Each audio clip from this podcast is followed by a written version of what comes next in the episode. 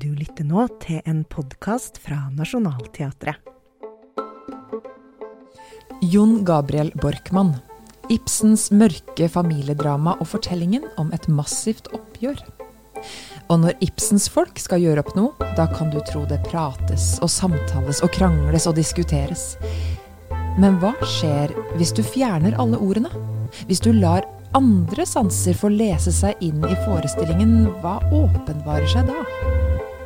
Sceneuttrykket her er annerledes, kvast, vittig og uhyggelig.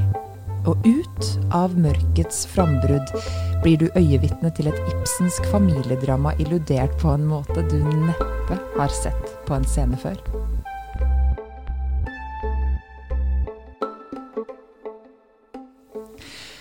Jeg er glad jeg har med meg deg, eh, dramaturg Hege Randi Tørresen. Kan ikke du være vårt eh, kart og kompass gjennom eh, Ibsens terreng? Fordi du har jo også jobbet med Jon Gabriel Borkmann før.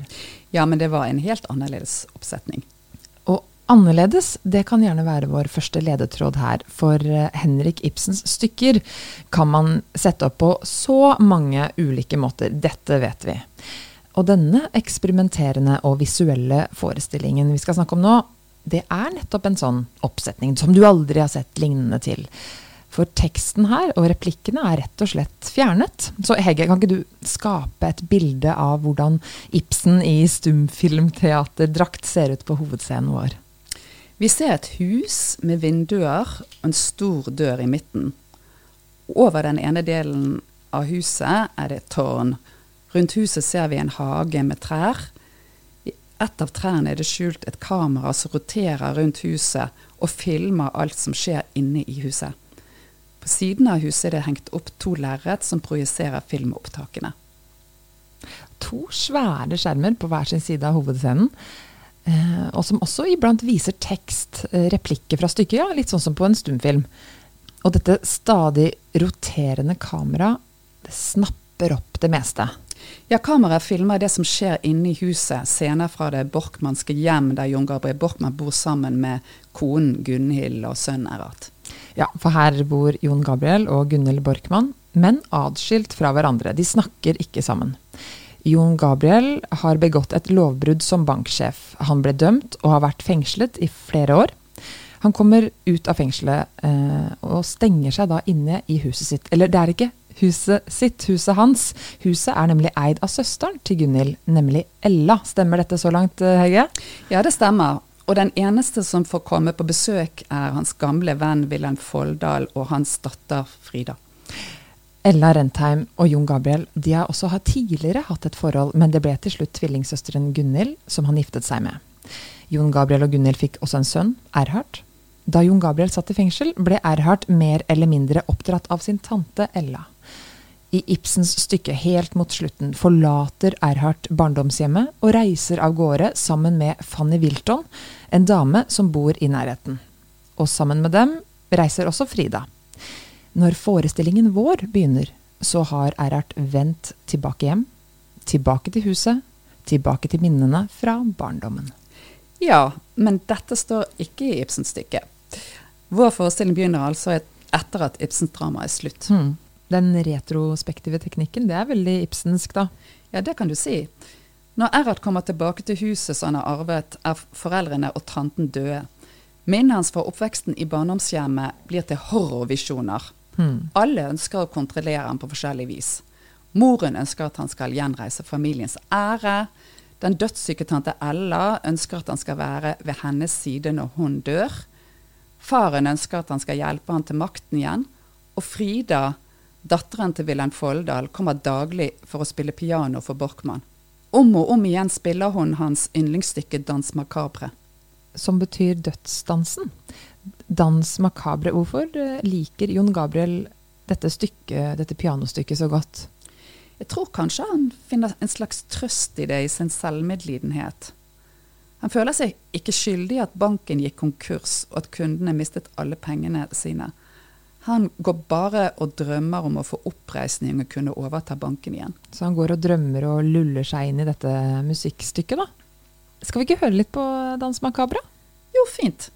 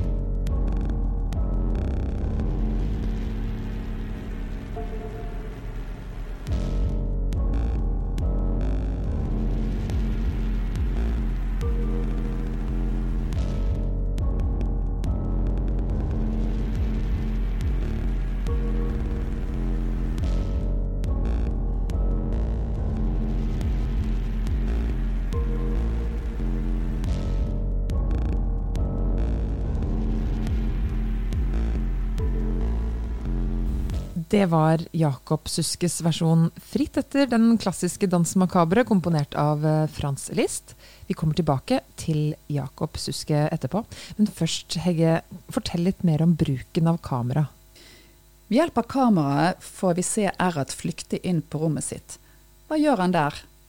Og hva driver moren med inne i stuen?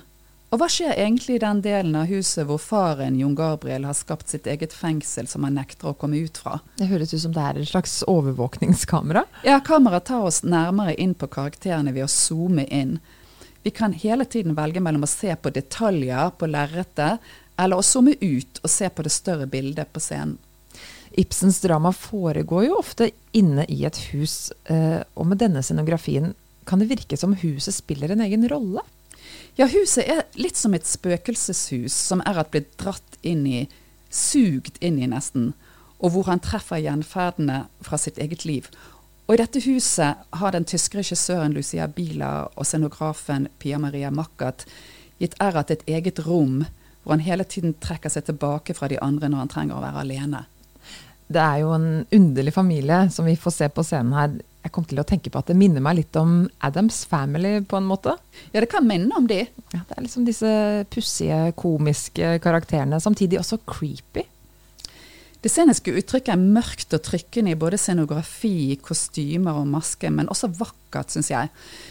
Altså Fortellingen er sett fra Errats perspektiv, og han har jo ikke akkurat så mange gode barndomsminner fra dette huset. Faren som går hvileløst oppi i annen etasje som en innesperret ulv. Moren som smir planer om at Erhard skal ta hevn for at faren for retten ga henne skyld for hans ruin.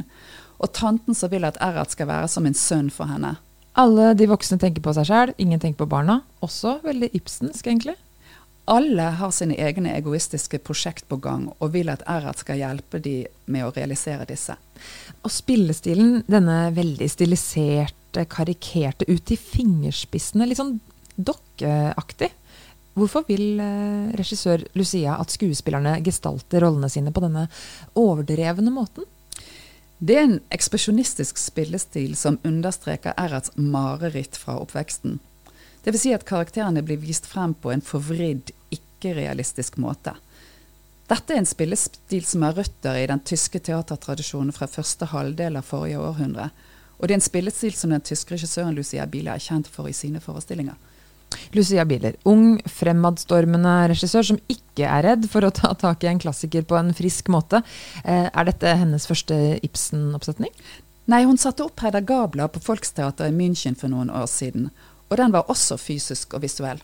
Men det som er eget ved denne Jon Gabriel Borkmann-oppsetningen, er at teksten er fjernet, for det har hun ikke gjort før, ikke sant? Nei, ikke det jeg vet i hvert fall. Altså Stykket er jo skåret inn til beinet. Forestillingen er da mer fritt etter Ibsen, mer, ja. ja, mer enn av Ibsen. Det kan du si. Mm. Hvordan var det å kutte teksten, da? Utrolig vanskelig. det kan jeg tro. Jeg er jo veldig glad i stykket som jeg har arbeidet med før, og lider når noen av yndlingsreplikkene mine må strykes. Så, så hva er Ibsen uten ord? Altså, det er en forestilling hvor publikum i større grad enn ellers må følge karakterene gjennom deres fysiske gester. Prøve å forstå hva de vil med hverandre og seg selv uten at de snakker. Men det stemmer at de begynner å snakke igjen helt til slutt? Forestillingen er delt i to. I den første delen er karakterene stumme, og i den andre delen bryter de ut i tale.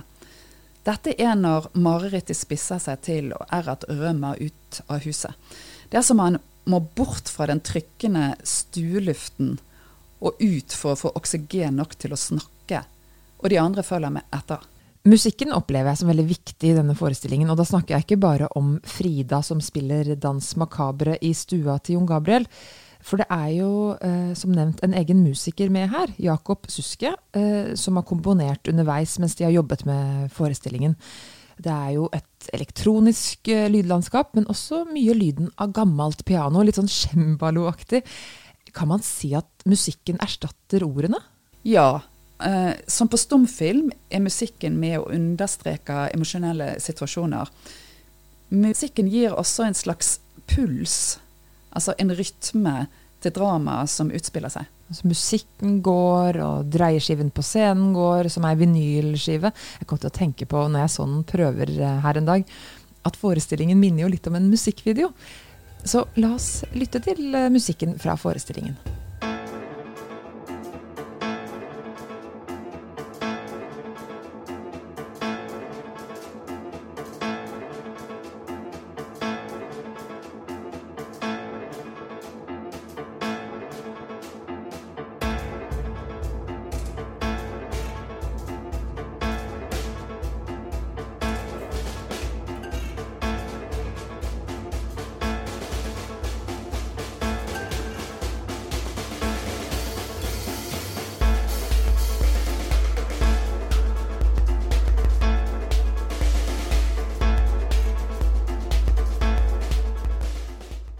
De som ikke kjenner veldig godt til stykkets bakgrunnshistorie, vil de få det utfordrende å følge med gjennom denne ordløse forestillingen?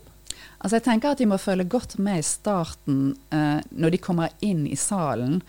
For da eh, blir det vist eh, en prolog på skjermene som uh, forteller litt om bakgrunnshistorien til karakterene. Det er den som går og går helt, du, ja. helt på starten når du kommer inn i salen? Mm. Ja, og uh, kan, forhåpentligvis kan de forstå litt mer av det som skjer gjennom å ha lest det først. Mm. Ibsens stykker dreier seg ofte om mellommenneskelige mekanismer og relasjoner som deg og meg, mor og sønn, søster og søster, mann og kone osv. osv. Er dette en forestilling folk uh, kommer til å kjenne seg igjen i, på tross av et forsterket og fordreid uh, visuelt ytre som sminke og kostymer og, og, alt dette? Jeg tenker at det er noen konflikter på gang i de fleste familier, og at publikum sånn sett vil kjenne seg igjen.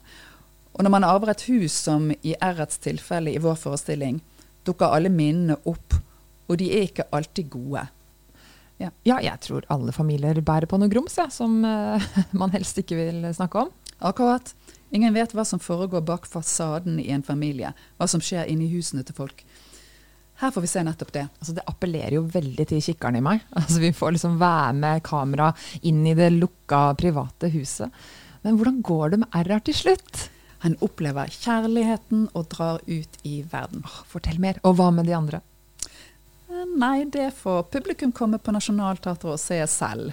Vi kan jo ikke fortelle alt, Gunnhild. Nei, vi kan ikke det. Publikum vil også helt klart få seg en stor overraskelse når de kommer inn i denne hermetiske verdenen til denne håpløse, dysfunksjonelle familien. Ja, det tror jeg også. Alle teaterforestillinger er unike, men denne her Ja, jeg har ikke ord. For å sitere en av Ibsens samtidige, nemlig Tolstoy, alle lykkelige familier ligner hverandre. Hver ulykkelig familie er ulykkelig på sin egen måte. Takk for praten, Hege. Takk selv. Det var teaterprogrammet for denne gangen. I studio satt jeg, Gunhild Kilde, sammen med dramaturg Hege Randi Tørresen, bak spakene Oda Tømte, mens vår eminente produsent Åsta er i morspermisjon. Husk å trykke 'abonner' der du hører på podkast. Da dukker neste episode av teaterprogrammet automatisk opp. Håper vi høres!